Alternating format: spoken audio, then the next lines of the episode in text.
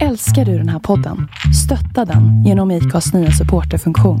Det är helt upp till dig hur mycket du vill bidra med och det finns ingen bindningstid. Klicka på länken i poddbeskrivningen för att visa din uppskattning och stötta podden.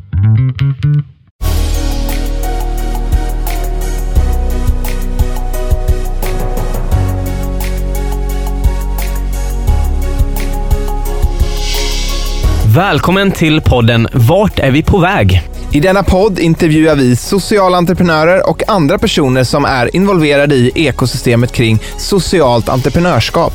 Vi vill ge dig som lyssnare tips och inspiration till hur innovativa idéer och entreprenörskap kan vara lösningen på de samhällsutmaningar som vi står inför.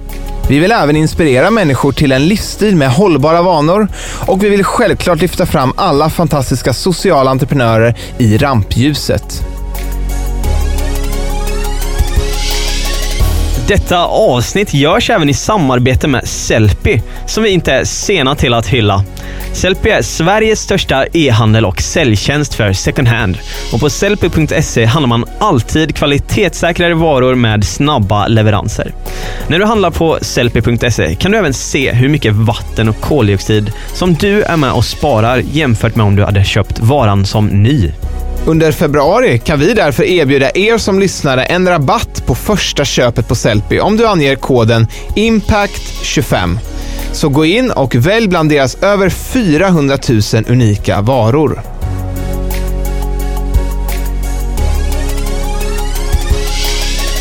Välkommen till dagens avsnitt som idag spelas in på västkusten och närmare bestämt sagt i Göteborg. Vi är väldigt glada över att idag få sitta på IT-företagets Carmentas kontor med utsikt över vackra Göta älv och den klassiska byggnaden Läppstiftet.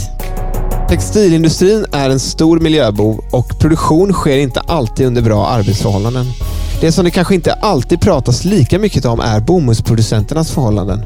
Varje timme tar en bomullsbonde i Indien livet av sig på grund av den stora ekonomiska pressen som de står under.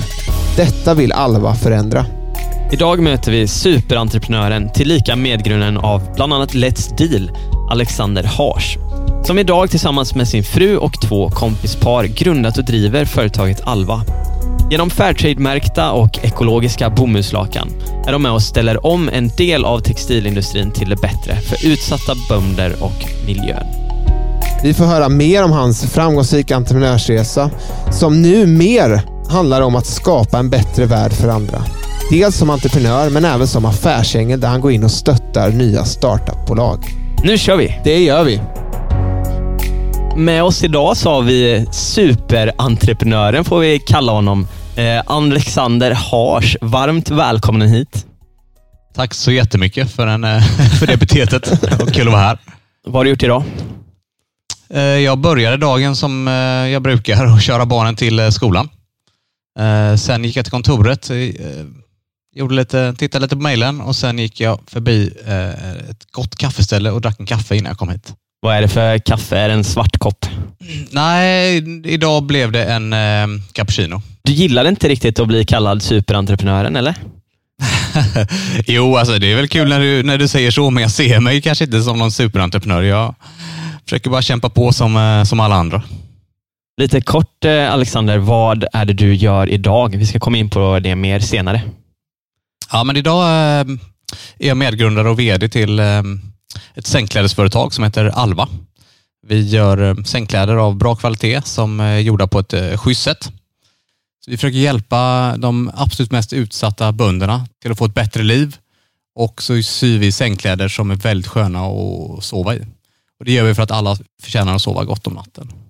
Så det är väl det jag gör i huvudsak och sen har jag väl liksom som en liten bisyssla kan man väl säga det jag investerar i oftast unga teknikbolag. Vad är det som gör att det är just teknik då, som intresserar dig?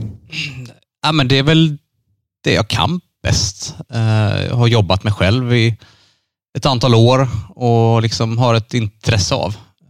Och Det är lättare för mig att då förstå, eller jag tror att jag förstår bättre än om det skulle komma något från en annan bransch. Har du några andra så grejer som det är viktigt för dig att få med i vardagen för att hålla livet i balans? Ja, men det är väl alltid bra att försöka få tillräckligt med sömn. Så jag försöker lägga mig i tid eh, och det är inte så svårt när man har småbarn för oftast så blir det att jag somnar i sängen när jag ligger och läser någon godnattsaga. Eh, sen är jag, jag gillar eh, ganska mycket rutin och förutsägbarhet, konstigt nog. Så att, jag tycker det är skönt om, om varje dag ser ungefär likadan ut. Vart är du född och eh, hur såg familjesituationen ut? Jag är född ehm, i en liten ort som heter Munkedal som är också här på västkusten, eh, 10 mil norr om Göteborg. Och det är 10 000 människor i kommunen, 5 000 i tätorten Munkedal. Växte upp ehm, med min eh, mamma.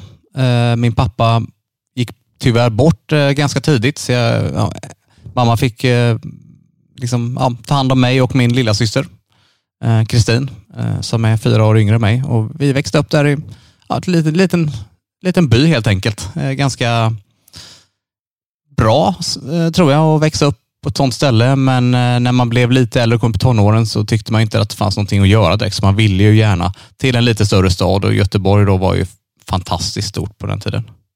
Hur var det att växa upp då med, med bara mamma? Där? Var det någonting som, som var speciellt med det som du har fått ta med dig? Liksom?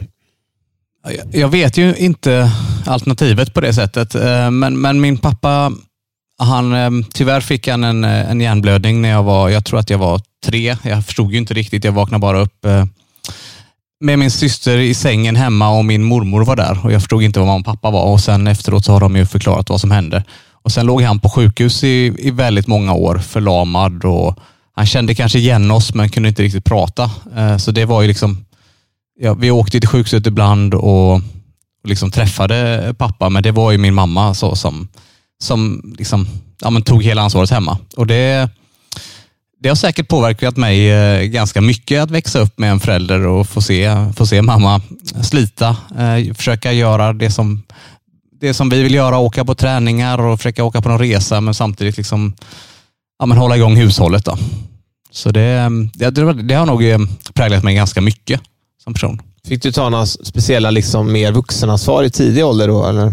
Men jag, jag tror att eh, jag försökte vara någon form av extra pappa fast jag kanske var sju eller åtta år. Och jag ville gärna hjälpa, försöka hjälpa mamma, för man såg ändå att det är ganska tufft. Eh, och jag, nu när jag själv har två små barn så har jag väldigt stor respekt för att man ska göra allt det där på egen hand. Ehm, men, men jag försökte nog men jag försökte hjälpa till, jag försökte göra mamma glad, försöka göra uppgifter, men när man är sju år så liksom det är inte man kanske inte kan vara jättemycket hjälp, men ändå försöka underlätta för mamma i vardagen så gott som man själv kunde. Och Det tror jag har påverkat mig mycket och hur jag försöker, eller hur jag interagerar med människor idag.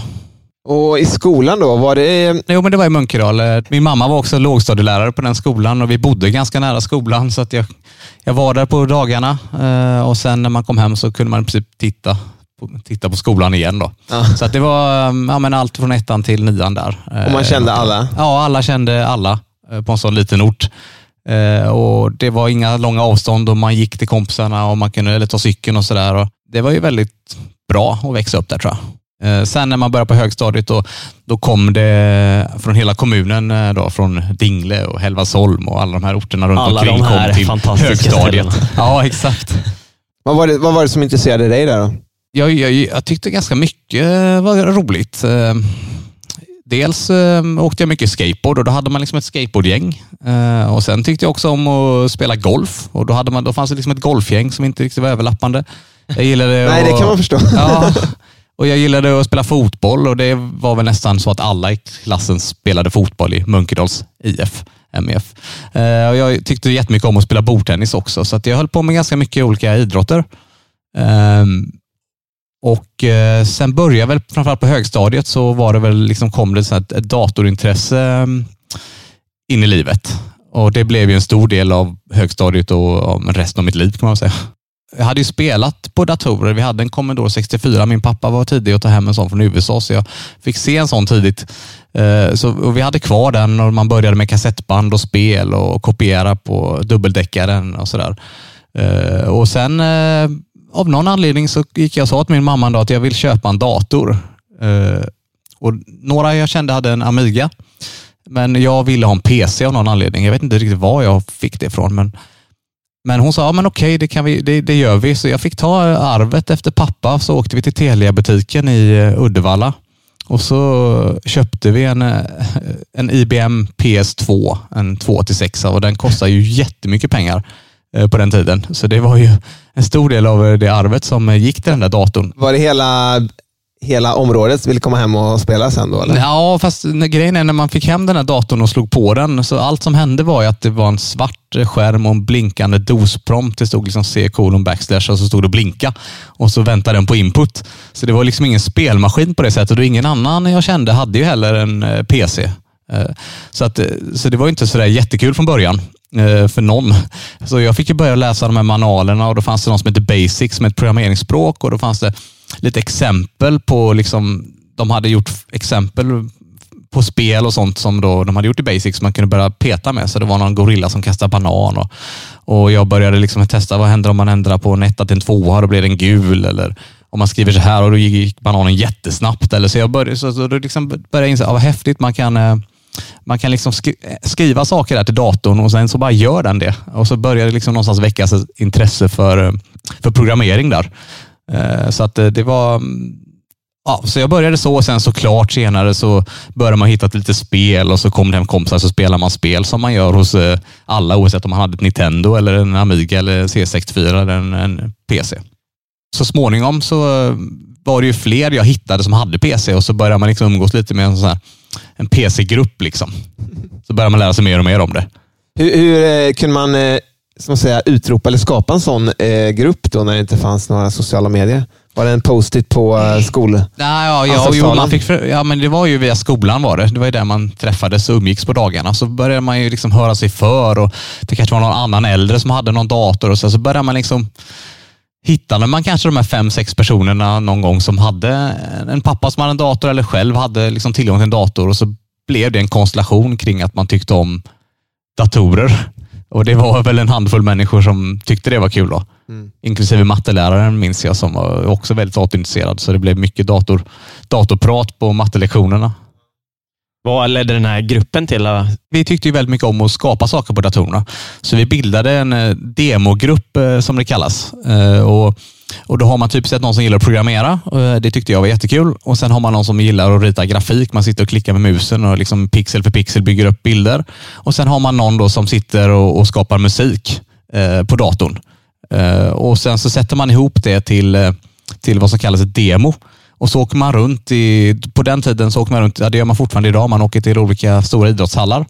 Och så sätter man sig där en helg och så sitter man och programmerar och gör musik och ritar grafik och sätter man upp till ett demo. Och i slutet på en sån en helg så visar man upp sina skapelser på en stor eh, skärm och sen så får folk i eh, publiken rösta om vad de tycker är bäst och så har man tur så vinner man. Och då kan man vinna CD-skivor eller en hårddisk eller någonting i den stilen. Nätverkskort eh, var också vanligt att vinna. Så, så vi var en sån grupp, i, en sån svensk grupp och det fanns många i Sverige, många i Finland, en del i Norge, några i Danmark och så åkte man runt i Norden och tävlade mot, mot alla andra. Var det här lite innan DreamHack kom igång? Kan ja, man det säga? var det. det var, Föregångaren? Ja, det var föregångarna till dagens stora grejer. Det här var väl ja, men i början på 90-talet. Eh, då hade det plopp, fanns några stora runt om i, i Norden och vi försökte åka runt på dem och, och försöka hävda sig mot de andra demogrupperna. Och det här var ju bara för att vi tyckte att det var roligt. Eh, det var ju inte för några pengar utan bara ren passion och drömmen som vi hade och de flesta andra hade, det var att man skulle bli upptäckt av, en, av ett spelföretag och få börja, till exempel i mitt fall, programmera spel. Det, hade, det var ju det man ville göra. Då. Och vidare sen i gymnasiet, då, vad, vart tog det vägen då? Ja, men då, för, för att gå på gymnasiet när man bor i Munkedal så behöver man flytta uh, och i mitt fall blir det Uddevalla. Det är där nästan alla går. Om man inte går på jordbruksgymnasiet då åker man till Dingle. Annars åker man till Uddevalla om man vill äta någonting annat. Och, och jag var väl så här, men jag tänkte jag ska plugga ekonomi. Tycker det verkar bra. Så jag, jag, hade, jag gick till skolan där de har samhällsekonomi och sen så var vi där på sån öppet hus som man får, får göra på den tiden. Eh, och då eh, gick vi dit och sen tittade jag på datorsalarna och såg att de var riktigt gamla och tråkiga datorsalar med dåliga datorer och inget eh, bredband och sådär. Så kände jag så här, ah, men det här känns inte jätterolig skola. Så sa min mamma till mig då, att, som var med att ah, men ska vi inte åka till Östrabo gymnasiet, där har de natur och tekniskt också. Så ja, ja, vi kan väl kolla på det när vi ändå är här. Och så åkte vi till den skolan och så det första jag fick se var ju de här fantastiska datorsalarna med helt nya datorer. De var en av de första i Sverige som hade bredband. De hade en datainriktning som man kunde läsa liksom sista året på sin eh, naturvetenskapliga, på naturprogrammet. Så jag kände att ah, det här jag ska vara. Så då blev det att jag började på natur, naturvetenskapliga programmet tror jag det hette då i alla fall. Eh, med datainriktning då. och det var en av de få i landet som hade det vid den tidpunkten. Var det, och du sa det att det var sista året som det var mest fokus på det, men kunde du fortsätta med din grupp? Eller det här? Ja, vi körde på eh, hela tiden och på, på, på luncher och på raster och så här, så fick man ju oftast tillgång till datorsalen. Så då satt man ju där och vi satt ju alltid på, på kvällarna när man kom hem, försökte göra läxorna men ändå satt och, och programmera och, och på helgerna så höll man på med det också. Så jag tyckte att det var väldigt roligt och ja, det var ju min passion och mitt stora intresse då. I den här podden pratar vi just om det här med liksom impact och vart världen står inför. Vi kommer komma in lite mer på det sen, men var det någonting redan i uppväxten som du tänkte på? Ja, men det var ju så, några saker ändå som präglade uppväxten. Det var, Munkedal var ju en liten ort eh, och ganska homogen, men någonstans där på eh, i mellanstadiet för min del så började det komma ganska mycket flyktingar från Chile framförallt. Och det var väl, det, jag tror att man hade som strategi att lokalisera ut eh, flyktingar som kom till liksom de här lite mindre orterna. Eh, så, att, så där började man någonstans förstå vad är det som händer. Man fick lära sig om Pinochet och vad som hade hänt och revolutionen. Och, och Det var ju helt nytt och främmande och det kom in människor som inte såg precis ut som, som vi andra.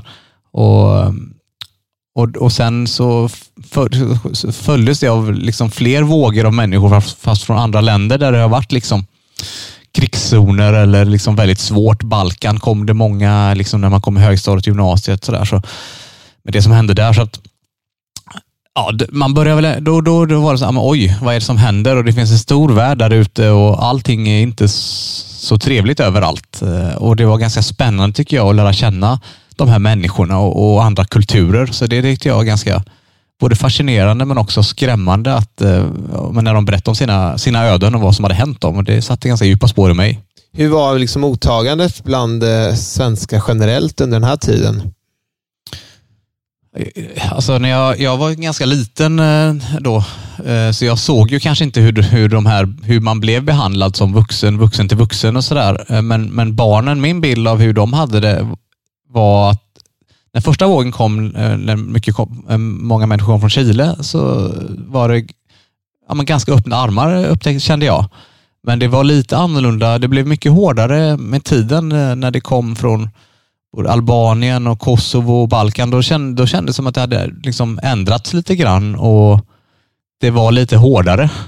Vad hände sen efter universitetsstudierna på Chalmers? Ja, men då gör man väl som de flesta andra och börjar jobba. och, ehm, och jag, under tiden vi pluggade, det var väl egentligen efter bara ett halvår på Chalmers, så ringde en, eh, en kompis från gymnasiet till mig som heter Lars. Han ringde mig och sa så här vid jul, julen 97 ringde han och sa, jag har ett programmeringsuppdrag som jag har fått. Eh, det är alldeles för stort för mig. Eh, vill du hjälpa mig? Så ja, men det vore ju kul.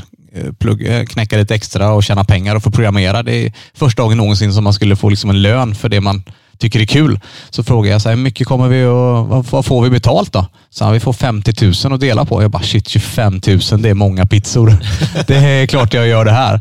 Eh, så, så, så egentligen under hela min eh, studietid så eh, knäckte jag extra för det här företaget och, och programmerade för dem och bygg, vi byggde deras programvaror och sen slutade det med att det var, ju, det var ju många tusentals timmar vi la för att få de där 25 000. För att få de där 25 000 var vi tvungna att starta ett företag och fakturera också. Och då ingick det ju liksom eh, arbetsgivaravgifter och allt möjligt. Så det blev ju inte jättebra timlön kanske ut i slutändan, men vi lärde oss ju, både jag och Lars lärde oss ju fantastiskt mycket om det. Så vi hade det som istället för vårt CSN-lån kan man väl säga under studietiden. Och det, ja, ja, ja, när jag hade slutat, jag gick ut 2002 och det var ju precis i den här eh, IT-kraschen.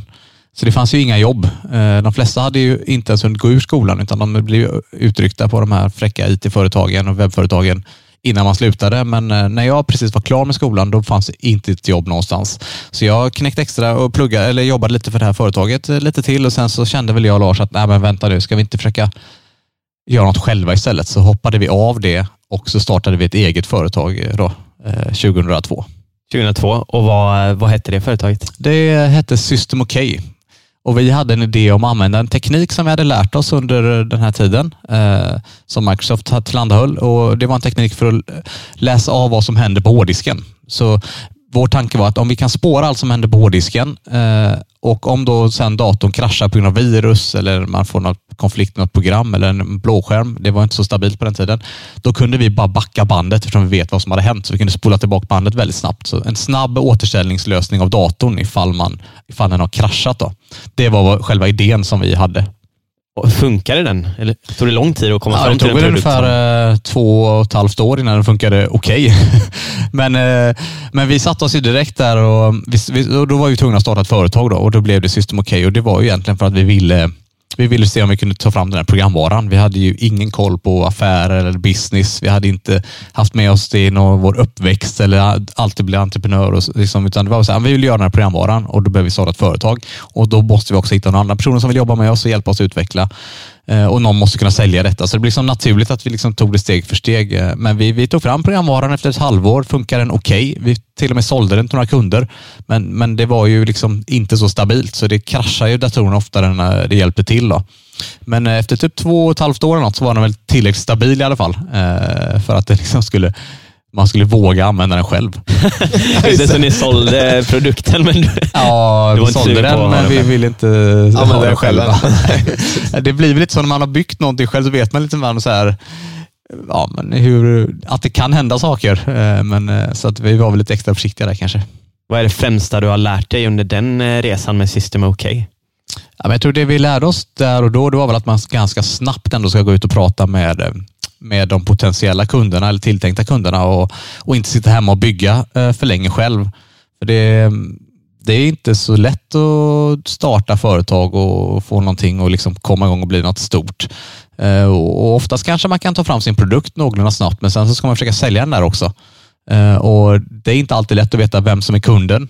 Eh, och Det kanske är någon kund som köper i början, men det är inte de som kan ta det till att bli något stort.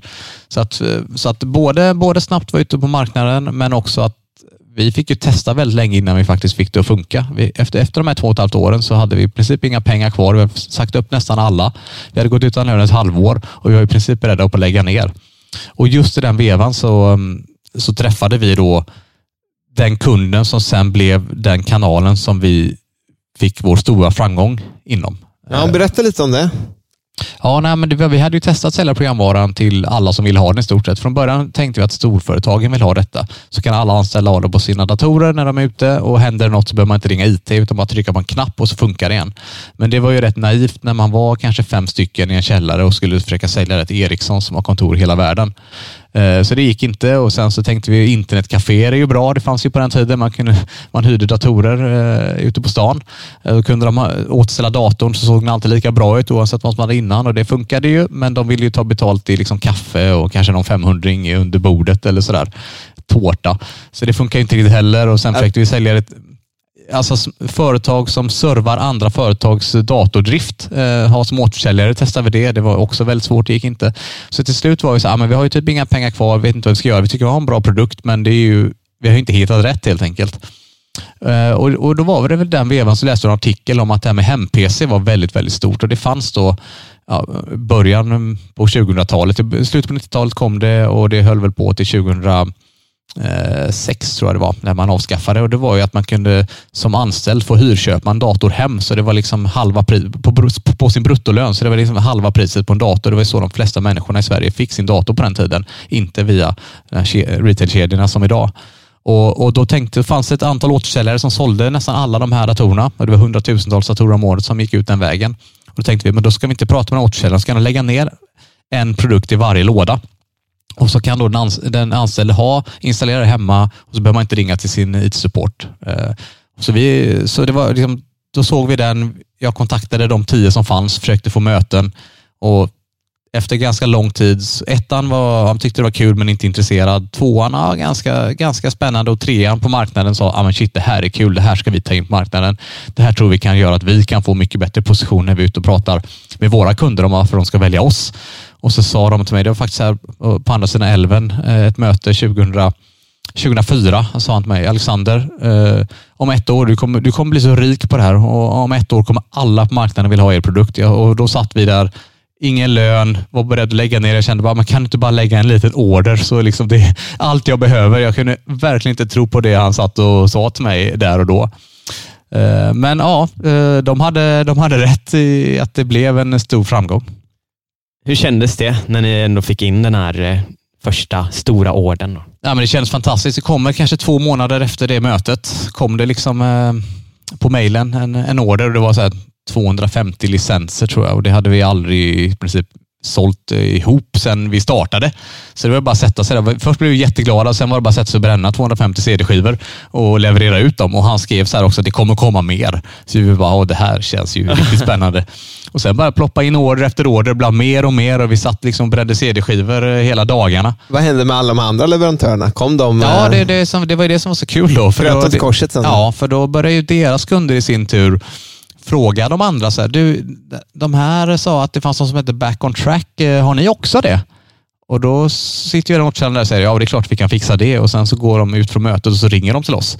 Så då, då kommer ju de sen. Så till slut så, så hade ju i princip alla de stora erbjöd ju vår programvara i sina sådana hem-PC-paket som de pitchade. Då.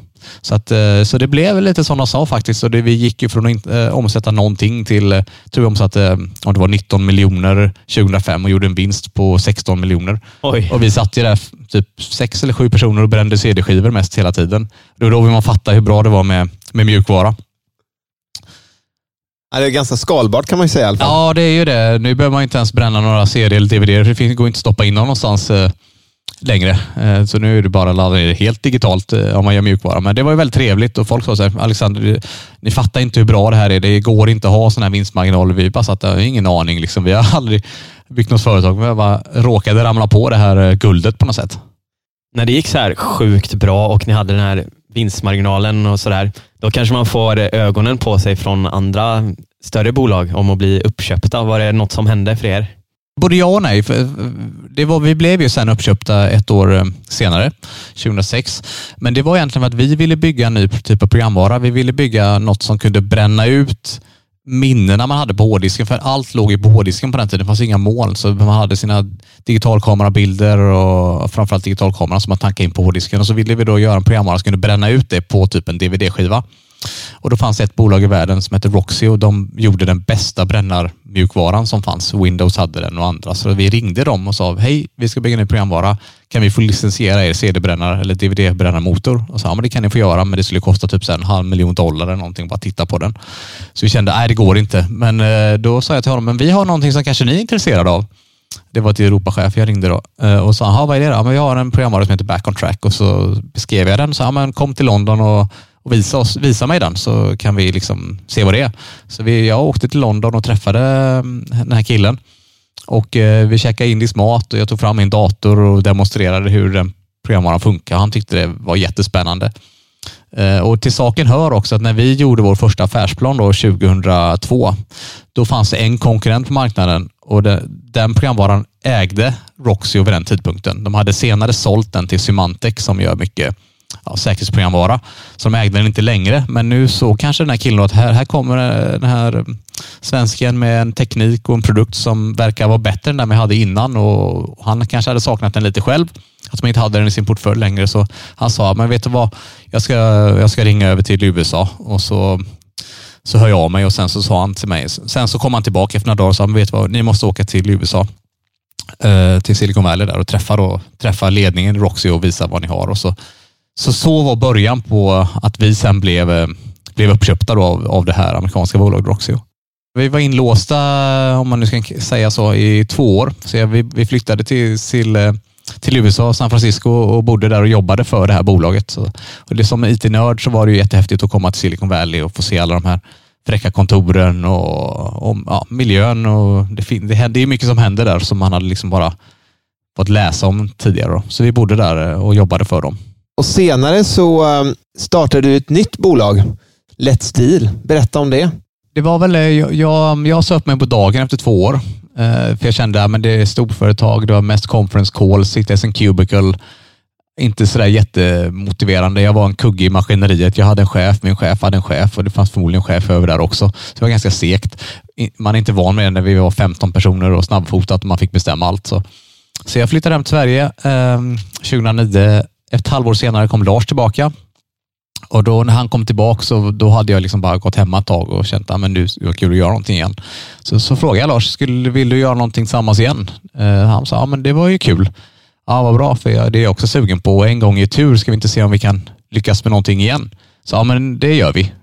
Eh, och då började vi helt enkelt leta efter saker att göra.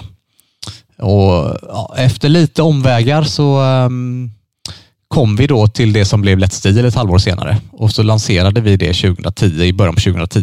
Och vi hade sett det här när vi bodde i USA, att det fenomenet hade börjat bubbla redan året innan och det fanns ett företag där som hette Groupon som hade tagit in väldigt mycket pengar och det skulle bli nästa Google och grundarna var på framsidan på Forbes och sådär. Så det liksom fanns ändå någon indikation på att det här verkade funka i USA och så fanns det ingen som gjorde det i Europa så kände vi, ja men då börjar vi med det. Så då startade vi, ja, då startade vi med Let's Steel helt enkelt. Men det här blev en eh, succé direkt eller? Ja, det, det tog, man, man, kände ju ganska tidigt att det, det växte varje månad. Och, och, men samtidigt, vi hade ju inte liksom sett konsumenttjänster på internet innan och det var ju fräckt för oss att få lära oss lite grann hur det funkar. Vi hade ju byggt en boxad programvara som man sålde som DVD, som en helt annan liksom, modell. Men man såg ju tydligt siffrorna att det växte ju hela tiden. Sen hade ju inte vi någon känsla för om det var bra eller dåligt eller normalt. Men det, vi, vi, kände ju att det fanns ju verkligen någonting i det och det gick ju spikrakt eh, uppåt under liksom fem år. Vad hade du lärt dig från förra entreprenörsresan med System OK som du kunde ta med dig in till ett stil som du valde att göra eller inte göra? Jag tror det största jag lärde mig, det var väl liksom att, att bygga företag, det handlar om människorna som gör det och att försöka verkligen få, få människorna i verksamheten att känna sig trygga och kunna vara sig själva så att man kan prestera sitt absolut bästa. Finns Let's kvar än idag? Ja, det finns eh, kvar. Jag var faktiskt där igår. Det var första gången på två år som jag var där. Det, det finns en kille kvar. Han, han har jobbat nu i tio år. För det, vi fyller tio år i år och han är fortfarande kvar. Så vi var där och lämnade över lite, lite sängkläder och var ute och tog en lunch med honom. Och det fanns i alla fall, eh, jag tror det kanske var tio personer som eh, fortfarande jag kände igen sen jag slutade 2015 ett ord som dyker upp ofta har dykt upp i vår podd, just affärsängel. Vad är det och är det du som söker upp de här bolagen som du investerar i eller personerna eller är det de som hittar dig på någon omväg? Att vara affärsängel det betyder egentligen bara att man, man investerar sina privata pengar oftast i väldigt tidiga skeden.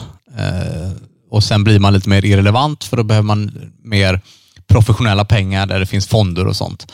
Och, och hur man hittas, eh, det beror lite på men eh, i och med att jag hade gjort det här med Let's Deal och det andra innan så, så skrevs det lite artiklar i samband med det och då sa jag, passade jag på också att säga att ja, men jag, jag vill gärna hjälpa andra nu. Och då blev det ju naturligt att eh, entreprenörer hörde av sig. Och så är det ju än idag, även om jag inte kanske är lika aktiv just nu med mitt investerande, men, men det, oftast är det människor som hör av sig och så har man byggt upp ett nätverk eh, och så får man liksom förfrågningar av eh, Ja, både sådana man inte känner men ibland eh, någon man känner. Och i enstaka fall så hör jag ju också av mig till, till bolag. Men det här är ju för mig mer av en hobby. Jag är inte en professionell investerare på det sättet. Så, att, eh, så att eh, det blir mer att man fångar upp det som kanske kommer till mig. Och Det här med att hjälpa andra är ju någonting som är viktigt för dig än idag och har ju också visat sig genom att du har startat ett bolag med din fru här för några år sedan. Och Eh, berätta lite om det och vad var det som liksom ledde er in på den resan? Att nu inte bara investera utan att faktiskt hoppa på en ny entreprenörsresa. Ja, men jag, jag kände och vi kände väl eh, att eh, det är kul att investera och därmed få tillgång till nya intressanta människor. Man får liksom bara vara med lite då och då. Eh, och Det skulle vara kul att få ha något eget eh, projekt att jobba med och också kunna jobba tillsammans. Vi har gjort det Eh, tidigare, men inte liksom som partners på helt likvärdiga villkor. Så vi kände väl att det, det skulle jag jobba ihop och sen dessutom det här gamla gänget som både hade gjort Let's Steel och System OK, Lars och Thomas och Tobias, några av de här, vi ville alla jobba ihop igen. Eh, det här gamla gänget, så vi ville göra något en tredje gång tillsammans. Och, och vi, vill göra, vi vill göra med vänner som vi tycker om. Vi vill eh, lära oss någonting nytt och den här gången kände vi också att vi vill göra någonting som inte bara är bra för oss själva, utan faktiskt göra någonting som är bra för någon annan. Och vi vill kunna balansera livet med jobbet. Eh, små barn och liksom några av oss har det. Så, här. så, så med, under de premisserna så började vi helt enkelt söka efter saker eh, att göra eh, igen. Och då landade vi ganska snabbt in i textilindustrin. Och det var det som då blev ja, sängklädesvarumärket Alva. Varför fastnade ni just kring textilindustrin? Delvis har vi väl att tacka kanske mm, Nudie Jeans här i Göteborg och, och jag är granne med en av de som har mm, startat det, så vi har pratat en del och, och de fick väl oss lite grann att få upp ögonen för, för textilindustrin och framförallt eh, hur bomullsbönderna har det. Och vi började intressera oss för, eh, för det ämnet. Och vi började, först började man googla. Först gick man runt i affärerna och tittade på sängkläderna. Alltså Made in Italy så frågade man lite grann var kommer bomull ifrån och det finns ingen som kanske har Ingen kan svara riktigt på det och sen så börjar man googla på nätet och så får man upp lite skräckartiklar som skrivs som ingen har pratat om. Och så börjar man, när, man, när jag började inse det här, det är 300 miljoner eh, bönder som odlar bomull, eh, oftast i de fattigaste delarna av världen. Och Man odlar det på ganska små ytor. Eh, man odlar det med jättemycket bekämpningsmedel. Efter oljan är det liksom en av de, en av de smutsigaste industrierna. Och eh, Man gör det i sina vanliga kläder. Så man får det då på huden, man får det i ögonen och det finns lång, långtidseffekter som cancer som händer utav detta.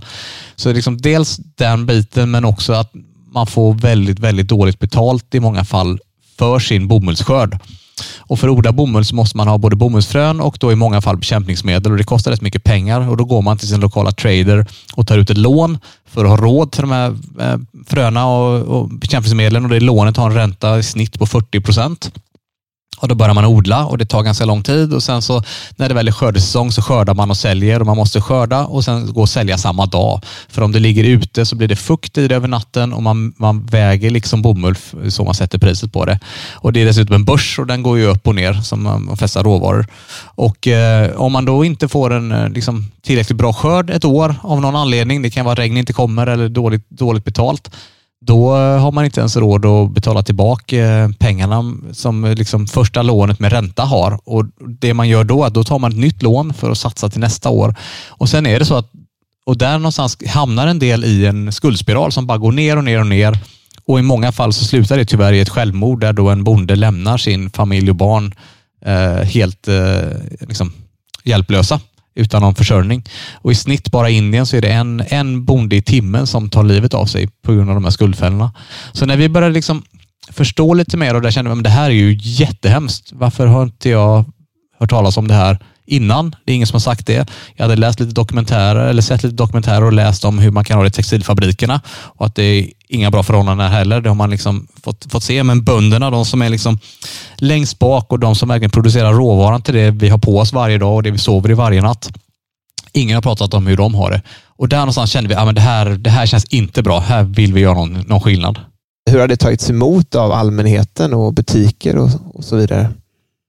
Ja, men vi, anledningen till att vi startade det var ju dels att vi såg att de här bönderna, de har det inte bra. Det, vill, det här vill vi försöka berätta om.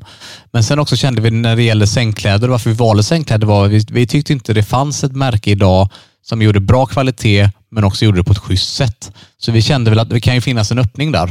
Eh, och Det var liksom de två sammantaget som gjorde att vi ville köra, köra igång med lakanen. Och nu har vi väl haft, eh, jag tror det är lite drygt 3000 kunder som har handlat. Vi har varit öppna i snart eh, ett och ett halvt år. Eh, och mottagandet hit, jag har ju mejlat till väldigt många av dem och frågat vad de tycker om sängkläderna. Och, och, och dels så, så, säger, säger nästan alla att man gillar kvaliteten, att det är någonting annat än det man är van att köpa om man kanske går till Hemtex eller plockar något på Ikea. Men också att man gillar den här tanken att vi försöker göra rätt för oss och vara transparenta bakåt. Så jag tycker båda, både den här liksom kvalitet och att det är hållbart tillverkat, båda de två känns som att det funkar hos, eh, hos konsumenterna.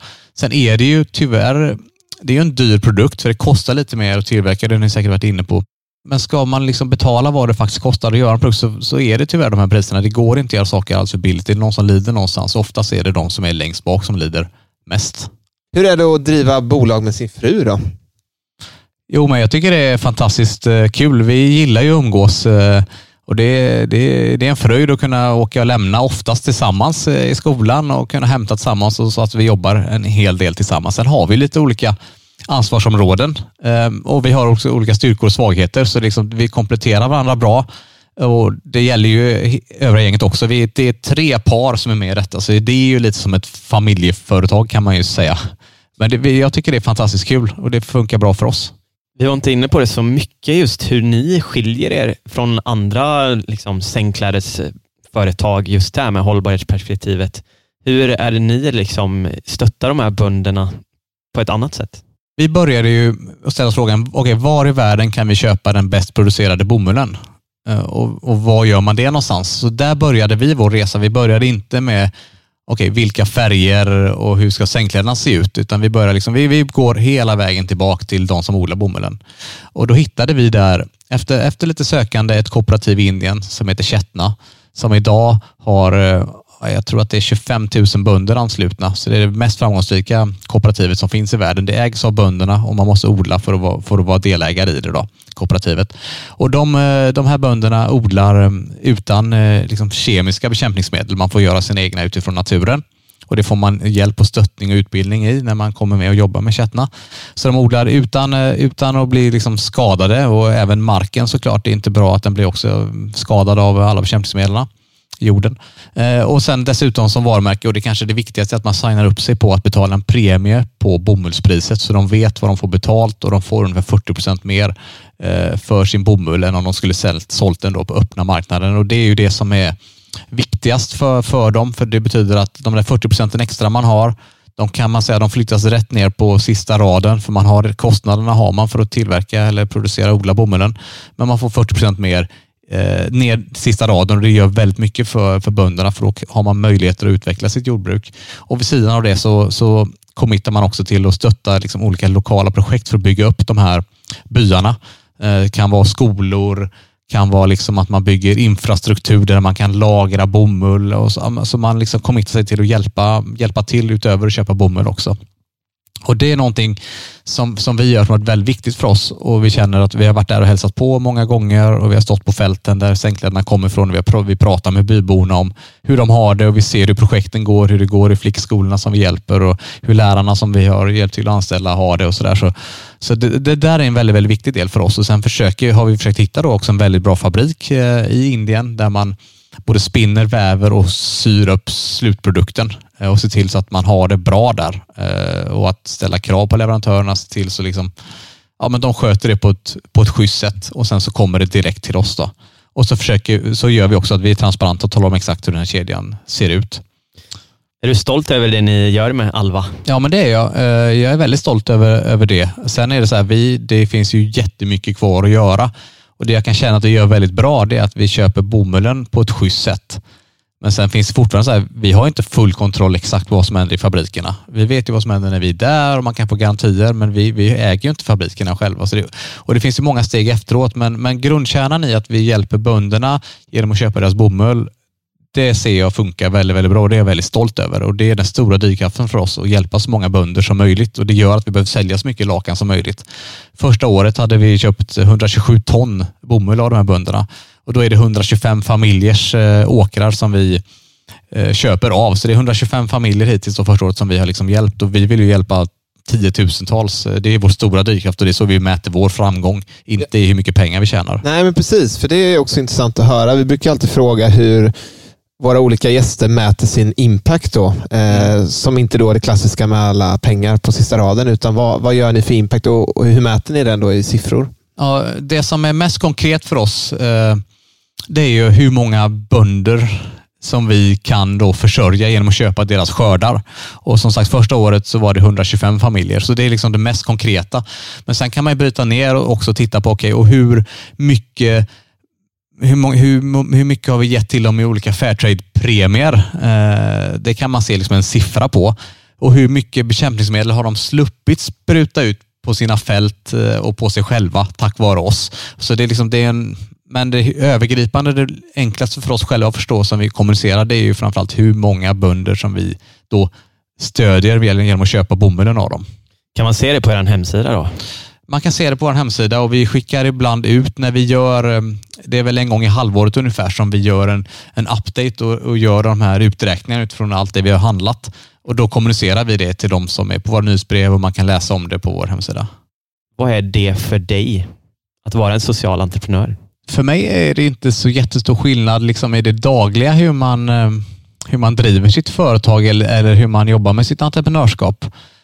Eh, men men det är ju på något sätt uppsatt i hela den här i hela det här jublet att man gör någonting som inte bara är bra för en aktieägare eller för de som jobbar i företaget, utan det finns också någon annan som eh, har någon vinning i det. Det är det som gör det väldigt motiverande att kunna gå till jobbet och det är det, det, är det som gör det så fantastiskt häftigt när vi åker till Indien och träffar bönderna och får prata med dem och höra hur deras liv är och vad, de, vad det är de behöver. Det är det som gör, ger mig boosten att, att fortsätta med, med det här projektet.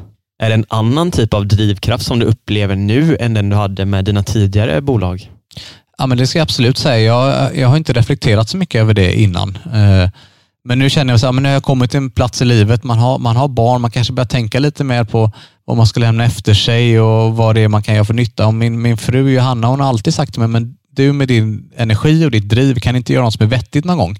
Och någonstans nu har jag väl ändå känt att den polletten har ramlat ner. Dessutom får jag kombinera det med att försöka bygga företag som jag också tycker är roligt. Så att eh, det, det kändes för mig helt rätt nu som en slags tredje akt. Ni går ju egentligen bara via e-handel, egna kanaler som det är i dagsläget i alla fall. Ja, vi har börjat där, eh, för det var ändå det vi kunde och vi känner att det, vi måste bli bra på det. Sen eh, är inte vi som kanske några andra säger att vi vill, man vill bara sälja på nätet, utan vi har några återförsäljare. Vi ser gärna några till. För oss, vi är ett varumärke och det ska finnas liksom där, där kunden finns.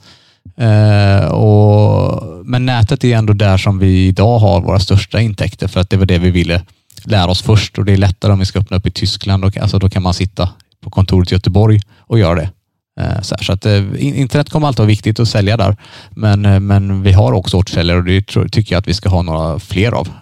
När man zoomar ut lite från det lokala perspektivet, vart du tror att samhället är om tio år? Har vi löst mycket av de här olika utmaningarna vi står inför eller är du optimist eller en pessimist?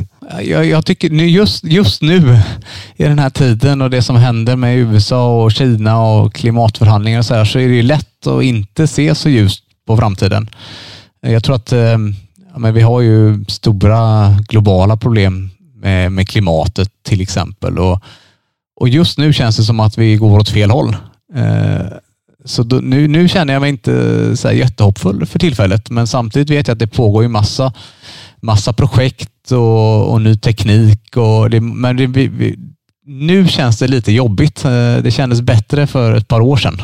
Är det någon speciell teknik som du ser kommer ut idag utifrån ditt, eh, din roll som investerare också? Stöter du på de här nya innovationerna? Ja, I höstas här till exempel så träffade jag ett bolag som har tagit fram en teknik, det biotechföretag har tagit fram en teknik för att döda bakterier som uppstår i sår. Eh, till exempel så kan man ha den där beläggningen på ett plåster. Så om man får en bakterie, framförallt när man är i lite varmare länder, eh, där det kan liksom sprida sig snabbare, så kan man sätta på plåstret och så dödar det alla bakterier. Alltså verkligen döda bakterierna, inte bara stoppa dem lite grann och de gör det på ett, på ett väldigt bra sätt eh, för både huden och kroppen men också för miljön. Då kanske man kan stoppa de här infektionerna innan de blir så, så illa så att man måste komma till sjukhus och börja spruta antibiotika. Och om man pratar med min fru Johanna så är hennes, en av hennes största skräck har alltid varit att vi ska få de här antiresistenta bakterierna. Det kommer bli vår undergång som, som befolkning. Så, så när, jag, när jag sprang på det här bordet kände man, gud vad bra, här kanske det finns någon som kan faktiskt ta upp kampen mot alla de här antiresistenta bakterierna. Då. När ni har byggt upp nya bolag så har ni aktivt sökt efter affärsidéer och möjligheter. Vad är dina tips om man är i en sån position att söka efter en öppning i marknaden? Nej, men jag tror det är det man måste göra tidigt. Ehm, om man då bara har ett embryo till någon idé, att man måste ut och provtrycka den på människor. Och Då får man väl börja med om man har sin absoluta närhet. Eh, och Det kan ju vara ens största fans. Om man pratar med sin mamma så är ju allting väldigt bra, men någonstans måste man börja. Men sen så måste man ganska snabbt komma ut till den potentiella kunden eller köparen och pitcha sin idé. Så att jag, jag, det, det tycker jag väl eh, kanske många gör fel i att man sitter, för hemma, man sitter hemma lite för länge. Eh, det är bättre att gå ut direkt och eh, prata med ja, allt och alla, men, men framförallt ganska snabbt komma och prata med de som är potentiella köpare av det. För att liksom få lite mer kött på benen kring sin idé. Och Sen tycker jag också det är väldigt bra att man tidigt börjar söka runt på internet och förstå, finns det något annat företag eller någon annan person som har gjort någonting liknande? Finns det några tecken på att det verkar bra eller dåligt eh, eller lovande? Det tycker jag är oftast är väldigt, väldigt bra om det finns någon någon annanstans som kanske inte gör exakt samma sak, men någonting i närheten och de har tagit in mycket pengar eller de har börjat sälja bra. Eh, det för mig är liksom ett tydligt kvitto på att det verkar finnas någonting. Ett eh, impactbolag eller en person som du tror kommer lyckas bra eller har en spännande idé här? Ja, men jag, tycker, jag tycker faktiskt att ni skulle ta hit eh, vdn och grundaren för det här eh, Amferia, eh, som är det här plåstret idag som ska liksom lösa ja, våra problem med antibiotikaresistenta bakterier. Eh, Anand, eh, han borde komma hit och få prata lite om det de gör. Eh, det är jättehäftigt. Det är forskare och professor från Chalmers som har jobbat där i många år kommit på det här nya ämnet och det har verkligen potential att revolutionera. Med det så vi vill tacka för idag. Du har varit med oss och eh, att vi fick ta del av det fina vädret som ni erbjuder här på östkusten. Nästan varje dag i alla fall. eh, och önska er all lycka framöver. Tack så jättemycket. Kul att vara här. Tack så mycket för att du har lyssnat på dagens avsnitt. Glöm inte bort att följa oss i sociala medier. Vi finns på Facebook, Instagram och LinkedIn och även vår hemsida vartarvipavag.org. Och om du har möjlighet får du jättegärna gå in och ratea våran podd på iTunes.